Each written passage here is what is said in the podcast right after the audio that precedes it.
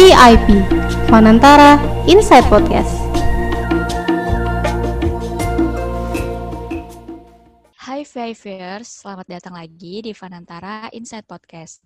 Apa kabarnya nih VIVers? Semoga selalu sehat ya. By the way, kalau dihitung-hitung nih, ternyata udah sekitar lima bulanan Indonesia berjuang melawan COVID-19. Tapi sekarang udah masuk new normal nih, VIVers. Tempat pariwisata juga udah ada beberapa nih yang buka, tapi tetap harus menjaga batas aman ya. Karena buat VIPers yang mungkin mau melakukan perjalanan wisata, wajib banget nih tetap ikuti protokol kesehatan. Nah, ngomongin pariwisata, VIPers suka ke mana nih?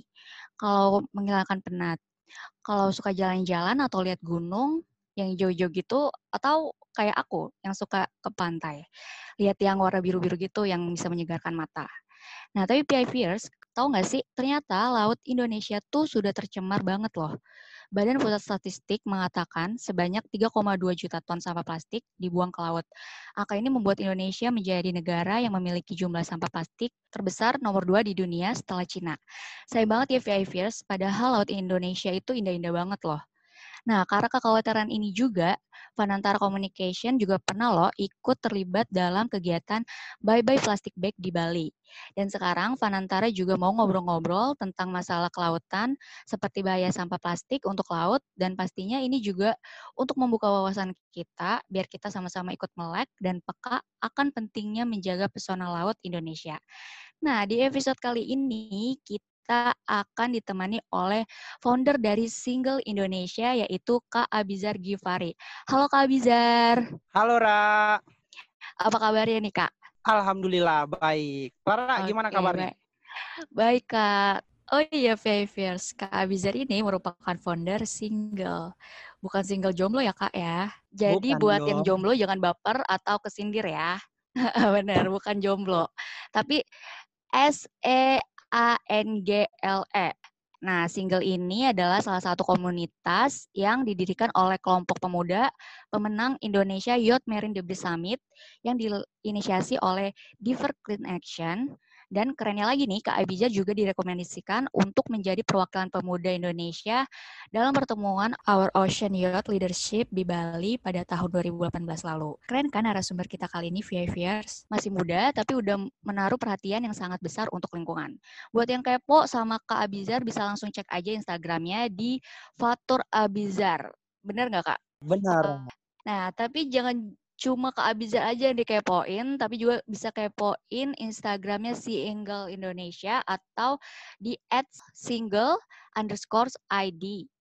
Nah, sekarang aku mau tanya-tanya nih kak, ke Abizar nih tentang Single Indonesia. Jujur kak, ini namanya menarik banget nih.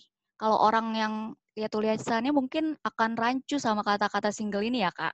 Sebenarnya apa sih ya. kak single itu kak?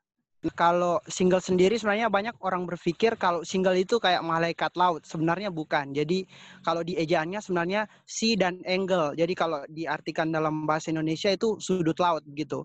Kenapa kami um, para inisiator apa um, berpikiran untuk menamainya si angle karena um, pada saat kami membentuk si angle itu um, orang yang apa komunitas-komunitas yang fokus terhadap sampah laut itu masih sedikit gitu. Makanya kami um, menganggap bahwa um, masih kurang orang yang memang peduli terhadap sampah laut di uh, saat kami membentuk single itu. Nah, maka kami menamainya single gitu. Selain itu juga karena laut adalah uh, di seluruh sudut-sudut Indonesia gitu. Makanya kami membentuk namanya single.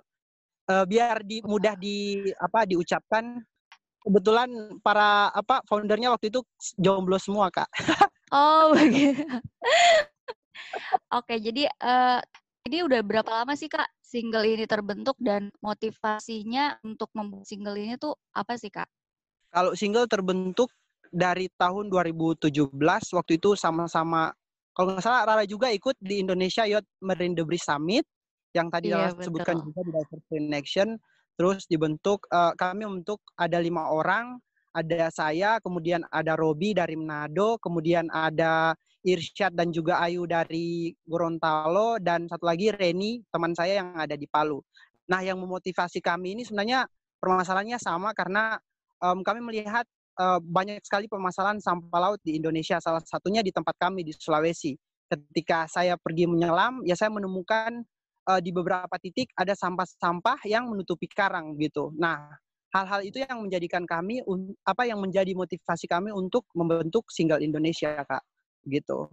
Jadi memang kami melihat oh. apa uh, fenomena langsung di alamnya kami sendiri begitu. Banyak sampah-sampah yang ada di pesisir-pesisir pantai kami bahkan saya pernah ada di salah satu pulau di Sulawesi yang di mana pesisir pantainya itu penuh penuh dengan sampah. Itu teman-teman bisa lihat juga di Instagram saya dan juga di Instagram single hmm. dari satu apa pulau di Sulawesi yang di sejauh pesisirnya itu semuanya uh, menumpuk sampah plastik itu sendiri kak. Nah hal-hal itu yang menjadi apa dasar-dasar kami dan juga motivasi kami untuk membentuk single Indonesia itu sendiri kak. Oke, okay, yep. jadi kepedulian akan laut kita ya kak, karena sayang banget kan kalau misalkan kita lagi menyelam ternyata karang-karang yang cantik itu ketutupan sama sampah ya kak. Nah, Dan juga karang-karangnya bisa mati kan kalau misalkan ketutupan dengan sampah. Benar kak. Nah, fokus Kak Abi sendiri kan untuk melindungi laut dari ancaman sampah laut nih Kak. Nah, kalau si Engel sendiri itu punya program apa aja sih Kak dan kegiatannya tuh sehari-hari tuh ngapain aja sih Kak? Nah, kalau di single kami punya tiga program utama, Kak. Yang pertama itu si school, jadi kami mengajar selama enam bulan di satu sekolah, dan itu ada di Palu, sudah selesai sekolahnya di SD DDI Kota Palu.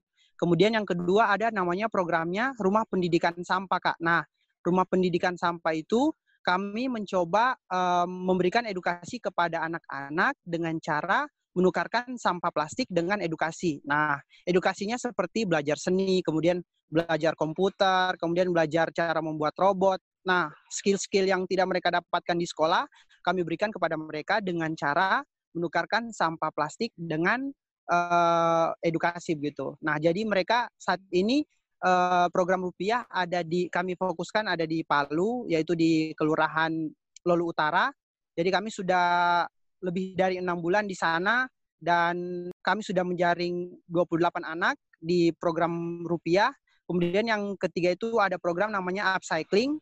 Jadi upcycling itu hmm. kami membuat uh, apa merangkul ibu-ibu di sekitaran apa proyek rumah pendidikan sampah itu untuk membuat satu produk lingkungan yang nanti dijadikan uh, dibuat untuk uh, dijual begitu. Jadi produk yang ya dipasarkan. Jadi produk yang layak untuk dijual. Jadi seperti kayak uh, buat um, apa gantungan kunci dari dari apa dari limbah plastik. plastik. Uh, uh, kemudian ada juga uh, apa kertas kami buat jadi tempelan kulkas. Nah hal-hal seperti itu yang kami upayakan untuk ibu-ibu. Nah kalau sasaran kami di satu tempat itu minimal 10 ibu kami dapat untuk uh, bisa diberikan pelatihan untuk bisa membuat uh, produk-produk daur, daur ulang itu sendiri kak. Nah jadi kami punya tiga program itu sekarang kak di single.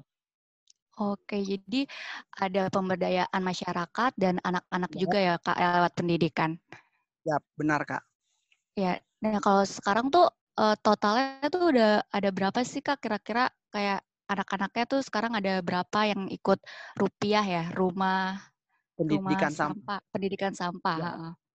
Nah, kalau rumah pendidikan sampah sendiri, kalau di lokasi sekarang yang kami fokuskan ada 28 anak. Nah, cuman untuk data-data dari apa dari setiap regional kami belum kumpulkan. Jadi kalau untuk kan di setiap regional juga uh, sudah lakukan program rupiah, Kak. Cuman uh, kami belum mengumpulkan datanya, tapi kalau sekarang di single pusat itu kami punya 28 anak, Kak, di program rupiah itu, Kak. Oke. Oh, jadi uh, single itu kan aku juga lihat nih di Instagramnya banyak tersebar di wilayah-wilayah di Indonesia. Itu di mana aja sih kak?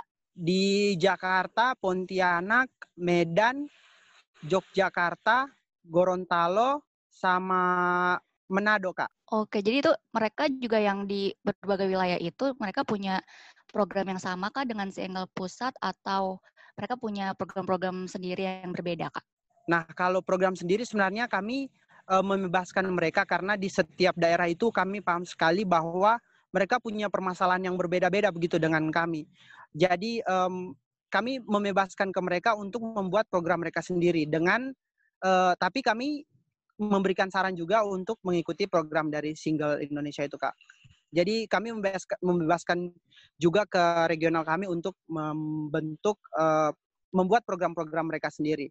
Karena kami menganggap single itu sebagai laboratorium kami, uh, layaknya kami melakukan penelitian. Jadi kami menganggap bahwa segala segala, segala hal harus kita coba untuk um, memberi suatu solusi begitu kak. Nah itu yang kami oh. coba lakukan di regional-regional. Jadi kami membebaskan mereka untuk membuat program mereka sendiri. Tapi kalau mereka memang bingung juga membuat program mereka sendiri, kami menyarankan tiga program utama tadi kak. Gitu. Oke, tapi yang pasti tetap ada hubungannya dengan sampah laut gitu ya, Kak? Ya, benar, Kak. Mm-mm. Nah, kalau yang regional-regional itu terbentuk atas dasar inisiasi ada volunteer kah dari daerah-daerah tersebut atau emang sengaja direkrut gitu oleh single pusat untuk membentuk single-single di regional itu? Nah, kalau uh, apa kalau di regional mereka sendiri yang berinisiatif untuk membentuk single kak. Jadi bukan karena uh, apa? Bukan karena kami buka volunteer di setiap daerah, tapi mereka sendiri yang ingin membuka single di daerahnya masing-masing kak. Wah keren ya berarti anak-anak muda di Indonesia tuh sebenarnya udah termasuk peduli ya dengan sampah laut di Indonesia kak. Benar kak. Nah, VIVers tahu nggak sih ternyata 71% wilayah Indonesia adalah lautan selama ini orang kalau ditanya mengenai laut mungkin kebanyakan berpikir ya tempat pariwisata seperti pantai ya. Memang Indonesia tuh pantainya tuh cantik-cantik banget. Tapi Kak, sebenarnya selain tempat pariwisata, ada nggak sih Kak manfaat penting lainnya dari laut sendiri untuk kehidupan manusia atau untuk alam? Kalau manfaat laut sebenarnya banyak sekali. Salah satunya adalah ekonomi orang bisa mendapatkan ikan, kemudian dijual, nelayan mencari ikan, kemudian sumber oksigen kita juga karena 70% oksigen yang ada di bumi ini ya dari laut itu sendiri, Kak. Jadi bukan hanya pariwisata tapi ekosistem laut ini sangat apa sangat berperan penting bagi bagi dunia itu sendiri, Kak. Apalagi kalau misalnya sampai temperatur laut berubah, itu banyak hal yang akan berubah juga, Kak. Um, laut ini memang sangat penting bagi kehidupan kita, Kak, karena sedikit pun ekosistem laut uh, berubah, maka berubah juga dunia kita, Kak. Bener banget. Apalagi sekarang tuh diisukan dengan yang climate change ini kan. Jadi permukaan air laut naik dan temperatur air laut naik juga bisa merusak ekosistem laut itu sendiri ya, Kak. Benar, Kak, benar. Oke, jadi data dari ASEAN Development tahun 2009 menyatakan kalau wilayah pesisir Indonesia adalah rumah bagi ribuan spesies. United Nations Environment Program melaporkan juga nih kalau garis pantai Indonesia merupakan rumah bagi padang lamun terbesar di dunia, di mana padang lamun itu merupakan tempat bagi ikan untuk beregenerasi. Bahkan Indonesia menyimpan kekayaan terumbu karang dengan luasan hampir 50.000 km persegi atau sekitar 18% terumbu karang dunia. Jujurnya keren banget ya. Karena Indonesia tuh benar-benar sekaya itu loh. Tapi di balik kekayaan ini ada hal yang sangat menantang dari semua ini nih. Karena sampah plastik yang bermuara di laut tuh bisa merusak kekayaan yang laut Indonesia punya. Nah, ini juga salah satu permasalahan yang sangat memprihatinkan. Nah, kalau Kak Abijar sendiri sebenarnya sekarang kondisi Laut Indonesia tuh kayak apa sih Kak? Apa aja sih Kak tantangan utama yang dihadapi Laut Indonesia saat ini? Kalau tantangan utama sebenarnya ya sampah plastik itu sendiri Kak, selain ada illegal fishing dan lain-lainnya. Nah, karena kita penyumbang sampah plastik terbesar kedua di dunia, saya pernah melakukan penyelaman di uh, salah satu pulau di Indonesia, um, di Kepulauan Seribu. Jadi um, di dalam itu saya bis, saat menyelam saya melihat banyak sekali perabotan rumah tangga kak di bawah laut. Nah itu semuanya menutupi karang gitu. Kemudian uh, selain sampah-sampah plastik ada juga sampah-sampah perabotan kayak kipas angin. Kemudian ada juga kasur di bawah laut. Nah hal-hal itu yang apa yang yang membuat saya miris ketika menyelam melihat uh, di bawah laut gitu kak. Jadi tantangan utamanya adalah kesadaran dari masyarakat itu sendiri. Kita sangat harus berupaya untuk bagaimana masyarakat Indonesia itu sadar bahwa pentingnya menjaga laut ataupun lingkungan-lingkungan sekitar itu begitu kak. Iya, jadi lebih kesadaran kita sendiri ya kak untuk mengurangi sampah yang akhirnya malah sampai di laut gitu. Keprihatinan Kak Abijar terhadap sampah plastik yang merusak laut Indonesia sangat tinggi ya. Sampah plastik memang menjadi salah satu komponen dari sampah laut atau biasa juga disebut marine debris. Sampah plastik yang berakhir di laut tuh ada banyak ya. Jadi nggak hanya kantong plastik single use aja, tapi ada juga sedotan plastik, botol minuman kemasan sekali pakai, dan berbagai jenis sampah plastik lainnya. Tapi kalian harus tahu nih, five years data dari Asosiasi Industri Plastik Indonesia sempat bilang kalau kantong plastik sekali pakai yang dibuang di laut itu ada 10 miliar lembar per tahunnya loh.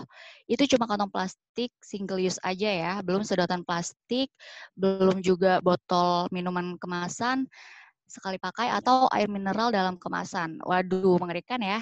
Nah, Kak, sebenarnya apa sih yang dampak atau efek adanya sampah plastik ini pada ekosistem laut? Apakah sangat berbahaya untuk kelestarian laut kita? Atau manusia juga kena dampaknya nggak sih, Kak? Kalau iya, dampaknya apa aja sih ini, Kak?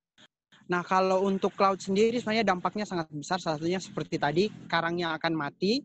Kalau karangnya akan mas, eh, kalau karangnya mati, otomatis ikannya akan tidak ada, akan lari, akan pergi. Kemudian nelayan akan susah mencari ikan. Mereka akan semakin susah untuk pergi melaut untuk mencari ikan karena karangnya mati. Kemudian akan banyak juga hewan-hewan laut yang mati seperti paus. Kemudian akan ada mikroplastik di lautan mungkin um, kalau ini ini yang paling berbahaya sih kak menurutku mikroplastik itu sendiri karena ada beberapa peneliti yang menyebutkan bahwa kita rakyat Indon bukan rakyat Indonesia seluruh dunia adalah kita mengkonsumsi 5 gram dalam seminggu sampah plastik itu seukuran KTP. Jadi kita mengkonsumsi mikroplastik itu um, sebanyak uh, 5 kg dalam satu minggu. Nah, mungkin yang belum tahu mikroplastik, mikroplastik adalah sampah plastik yang terurai yang menjadi ukuran kecil berukuran 0,5 mm. Nah, itu yang disebut mikroplastik. Nah, di beberapa daerah, salah satunya di Sulawesi, di ikan teri itu sudah ada mengandung mikroplastik. Bayangkan itu ikan teri ukurannya kecil, di, mereka sudah mengkonsumsi mikroplastik. Dan juga um, di salah satu universitas di Sulawesi juga Universitas Hasanuddin menyebutkan bahwa garam kami di Sulawesi sudah tercemar sama um, mikroplastik. Nah, itu sudah jadi apa? Jadi konsumsi kita sehari-hari. Nah, kalau ada salah satu peneliti di Jogja mengatakan bahwa sampah plastik dikonsumsi ikan, mereka akan merubah pola hidupnya begitu. Maksudnya eh, mereka akan merubah perilaku hidupnya begitu. Kemudian juga ada penelitian dari apa Departemen Dalam Negeri Amerika Serikat menyebutkan bahwa survei mereka sampah mikroplastik itu sudah ada di hujan, Kak. Nah, ini yang sangat berbahaya sekali untuk kehidupan kita begitu sama plastik bukan hanya laut tapi seluruh apa ekosistem yang ada di bumi ini ya akan berubah ketika tercemar uh, sampah plastik itu sendiri, Kak. Bahkan um, Om Robi Navikula yang tahu uh, band Navikula yang dia sudah melakukan penelitian terhadap um, tinjanya sendiri. Jadi dalam tinjanya itu ternyata uh, sudah ada mikroplastiknya, Kak. Nah, yang yang membuat miris sekali begitu, Kak. Kemudian um, jadi ada 100 100 ribu mamalia atau hewan laut dan juga penyu terbunuh ditambah juga dengan satu juta burung laut mati kak. Jadi banyak banyak banyak sekali hewan yang mati akibat um, sampah plastik itu sendiri. Di Wakatobi juga pernah ada paus mati ketika dibelah perutnya uh, di dalamnya itu ada ada banyak sampah plastik. Kemudian di Palu kami pernah um, terdampar ikan purba namanya ikan mola-mola setelah dibelah di dalamnya ada plastik juga kak. Nah jadi ada beberapa hewan yang mati karena eh, banyak hewan yang mati karena sampah plastik itu sendiri di lautan. Dan yang paling besar sebenarnya adalah pengaruh dari apa eh, dari paus. Kalau misalnya paus, jadi paus ini di laut itu dia bisa menyerap eh, karbon dioksida. Nah kalau misalnya paus hmm. ini banyak karena paus ini kan kita sudah lihat bahwa di di beberapa tempat mungkin teman-teman bisa lihat di video-video bahwa banyak uh, paus paus yang mati karena sampah plastik itu sendiri begitu. Nah, kalau kalau ini kalau paus itu punah otomatis akan ada ekosistem di bumi kita yang akan berubah begitu, Kak. Nah, hal-hal itu yang menjadi apa yang menjadi hal yang perlu kita seriusi begitu Kak. Hal yang terus perlu harus kita pedulikan begitu Kak untuk uh, mengatasi permasalahan sampah itu sendiri. Karena kalau ini terus menjadi masalah, peneliti bahkan menyebutkan bahwa di tahun 2050 ataupun sekarang dikasih turun, kemarin mereka menyebutkan 2050 karena terlalu cepat uh, penggunaan sampah plastik, mereka menyebutkan sekarang 2030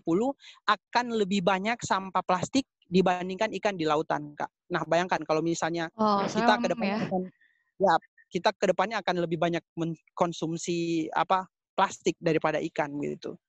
Oke, jadi sampah plastik tuh yang jadi mikroplastik aja tuh bisa merugikan bukan cuma ma untuk manusia aja, tapi juga hewan dan ekosistem yang ada di bumi ini.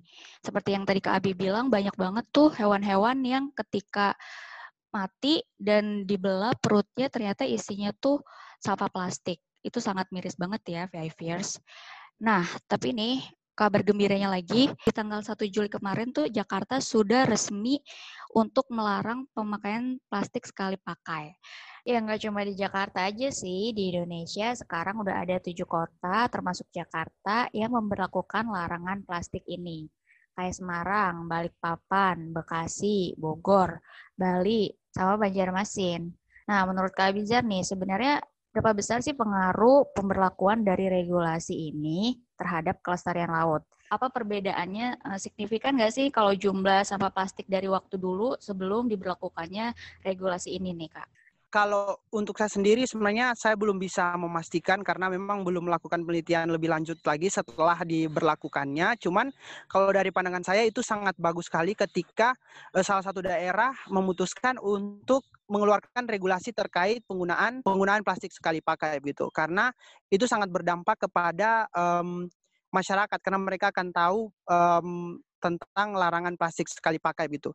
Nah, di Palu sendiri kami pernah melakukan um, yang namanya jadi setiap orang buang sampah sembarangan itu dia akan didenda sebesar 50 juta dan juga ada denda adat. Nah, cuman hal seperti ini kadang um, abai ketika kita sendiri ataupun orang-orang lain tidak saling memberitahu begitu. Misalnya kalau ada yang menggunakan plastik kita kita tidak tidak tidak mencegatnya begitu. Nah, kalau dari saya harapannya adalah semua orang yang setelah tahu regulasi itu kita harus menjadi polisi bagi de, diri kita masing-masing gitu. Maksudnya ketika kita melihat orang apa menggunakan plastik sekali pakai, kita harus mencoba untuk menegurnya juga karena di dalam regulasi ini kita adalah uh, orang yang berperan penting bagi diri kita sendiri begitu untuk melakukan um, untuk menerapkan regulasi ini begitu. Jadi harapannya adalah semua orang bisa menjadi polisi bagi um, sekitarnya begitu. Jadi karena biasanya kan ada yang pengguna uh, apa penjual-penjual yang masih tetap menggunakan plastik sekali pakai. Nah, ketika kita melihat orang-orang harus juga sadar dan juga um, bisa memberi memberitahu uh, untuk tidak menggunakan plastik sekali pakai itu sendiri. Jadi harapannya dari saya sih untuk orang-orang itu lebih kita jadi polisi bagi sekitar kita begitu. Ketika ada yang melakukan penyimpangan terhadap sampah plastik ya harus langsung ditegur gitu. Sehingga um, regulasi ini bisa menjadi solusi besar bagi um, permasalahan sampah plastik di apa di Indonesia itu sendiri begitu. Itu sih dari saya kak. Oke, jadi poinnya tuh sebenarnya kita tuh harus mulai dari diri kita sendiri ya kak. Jadi kita bisa ya. jadi polisi buat diri kita sendiri untuk mengurangi sampah plastik. Benar kak. Pemerintah juga ternyata menaruh perhatian penting nih terhadap masalah laut Indonesia. Presiden Joko Widodo pada acara Leader Retreat J20 Summit di Hamburg, Jerman menyatakan bahwa pemerintah Indonesia berkomitmen untuk mengurangi sampah plastik yang masuk ke laut sebesar 70% pada tahun 2025. Menurut Kak Bizar, akankah tercapai target ini pada tahun 2005 nanti? Apalagi waktu kita tinggal kurang lebih lima tahun nih kak. Atau mungkin Indonesia masih butuh waktu untuk lebih lama untuk mencapai target ini. Kira-kira optimis nggak sih kak untuk mencapai target ini? Kalau dari saya sebenarnya kita harus tetap optimis kita bisa mencapai target dalam 2025 tapi itu kembali ke kita dari pemudanya bahkan seluruh seluruh sektor masing-masing uh, karena kita semua yang ada di bumi ini ataupun yang ada di Indonesia kita harus bekerja sama untuk mengatasi permasalahan ini dan kita harus optimis bahwa sampah plastik ini bisa terselesaikan gitu dengan semangat-semangat kita begitu. Nah, kalau kalau untuk um, apa ke depannya ya harapannya kita semua bisa saling bergandeng tangan dan saling bekerja sama, saling mengingatkan untuk ya kembali dan juga berkontribusi ataupun mencari solusi terkait um, sampah plastik itu sendiri kak di yang ada di Indonesia dan kita harus ya seperti tadi saya bilang kita harus optimis bahwa ya kita bisa menyelesaikan permasalahan sampah plastik ini sesuai dengan apa yang dibilang uh, Pak Jokowi begitu. Iya benar banget. Jadi tetap harus optimis nih ya VIVers untuk mengurangi sampah di tahun 2025. Kalau bisa lebih cepat lebih baik ya kak. Nah aku juga sempat tuh baca berita kalau ada penyu yang hidungnya tuh kemasukan sedotan plastik. Terus dikeluarnya tuh susah banget, mesti pakai alat gitu sampai penyunya tuh keluar darah. Aku lihat videonya tuh langsung sedih banget. Ternyata apa yang bisa biasa kita pakai bisa menyakiti makhluk hidup lainnya. Terus kita malah lebih sering menyalahkan pemerintah nih karena pengelolaan sampah yang kurang baik lah. Padahal kita sendiri sebagai elemen masyarakat harusnya bisa nih gerak mulai untuk mengurangi jumlah sampah plastik yang ada di lautan. Kira-kira hal apa aja sih Kak yang bisa kita lakukan untuk ikut ambil peran dalam mengurangi sampah plastik di lautan? Nah, salah satunya adalah dengan mengurangi um, penggunaan plastik sekali pakai dan juga um, kita bisa menjadi pahlawan lingkungan di daerah kita masing-masing. Mari kita sama-sama um, memberikan solusi-solusi terbaik terkait permasalahan-permasalahan sampah yang ada di daerahnya masing-masing. Kemudian um, harapannya anak-anak muda kemudian juga bisa apa mencegah sampah plastik yang ada di rumahnya begitu. Jadi harus mengolah sampah plastik dari rumahnya sendiri dulu begitu. Jadi upayakan tidak ada lagi sampah plastik yang menuju ke TPA. Jadi berawal dari rumah-rumahnya masing-masing. Kemudian um, kita semua peran-peran stakeholder. Kemudian harus ada alur sampah yang jelas di setiap daerah untuk menyelesaikan permasalahan-permasalahan sampah itu sendiri, kak. Jadi ya harapannya um, kita semua bisa memberi solusi. Kemudian alur-alur alur-alur sampah di setiap daerah harus um, jelas begitu kak. Oke, nah terakhir nih kak, kalau kak Abijar sendiri punya nggak sih kayak starter pack untuk mengurangi sampah plastik? Kayak bawa tumbler sendiri kak, atau ke mana-mana bawa tempat makan sendiri untuk mengurangi sampah plastik? Nah, kalau saya sendiri saya bawa tas, jadi di dalam tasku itu penuh sampah plastik. Jadi setelah kalau misalnya saya tiba-tiba nggak um, sadar langsung kayak beli uh, wafer ataupun makanan-makanan yang ada plastiknya, ya itu saya langsung taruh. Biasanya kalau saya taruh di kantong, kalau bukan di tas. Kemudian saya selalu membawa tumbler. Kemudian ada juga um, kami di single uh, membuat sedotan bambu. Jadi sedotan bambu itu selalu saya bawa. Kemudian um, tapi setiap tiga bulan sekali diganti karena ya biasanya um, ada jamurnya di dalam bambu itu. Jadi kalau saya biasanya bawa tas jadi tas saya dan juga kantong saya menjadi tempat sampah saya nanti ketemu. Biasanya saya kalau misalnya sampahnya sudah banyak itu dibuat eco brick di apa di rumah pendidikan sampah kami yang ada di Palu kak. Begitu. Oke, jadi mungkin kalau untuk VIVers nih yang habis jajan keluar terus ternyata ada plastiknya bisa di save dulu aja dulu ya di tasnya. Jangan langsung dibuang karena bisa dijadiin eco brick ya kak ya. Benar kak. Jadi disayang-sayang dulu sampah plastiknya. Nah benar banget tuh kak Abi. Jadi kita bisa kalau habis makan terus ternyata ada sampah plastiknya bisa di save dulu nih di tas kita. Jadi nanti sampah plastiknya bisa dijadikan eco brick. Nah episode kali itu seru banget ya membahas tentang sampah plastik yang ternyata tuh banyak banget berakhir di laut dan menyebabkan ekosistem kita rusak. Wah, penyebab rusaknya laut Indonesia juga ternyata salah satunya timbul dari kita-kita juga nih, Fivers. Jadi kita harus semangat dan optimis untuk bisa mengurangi sampah plastik itu sendiri.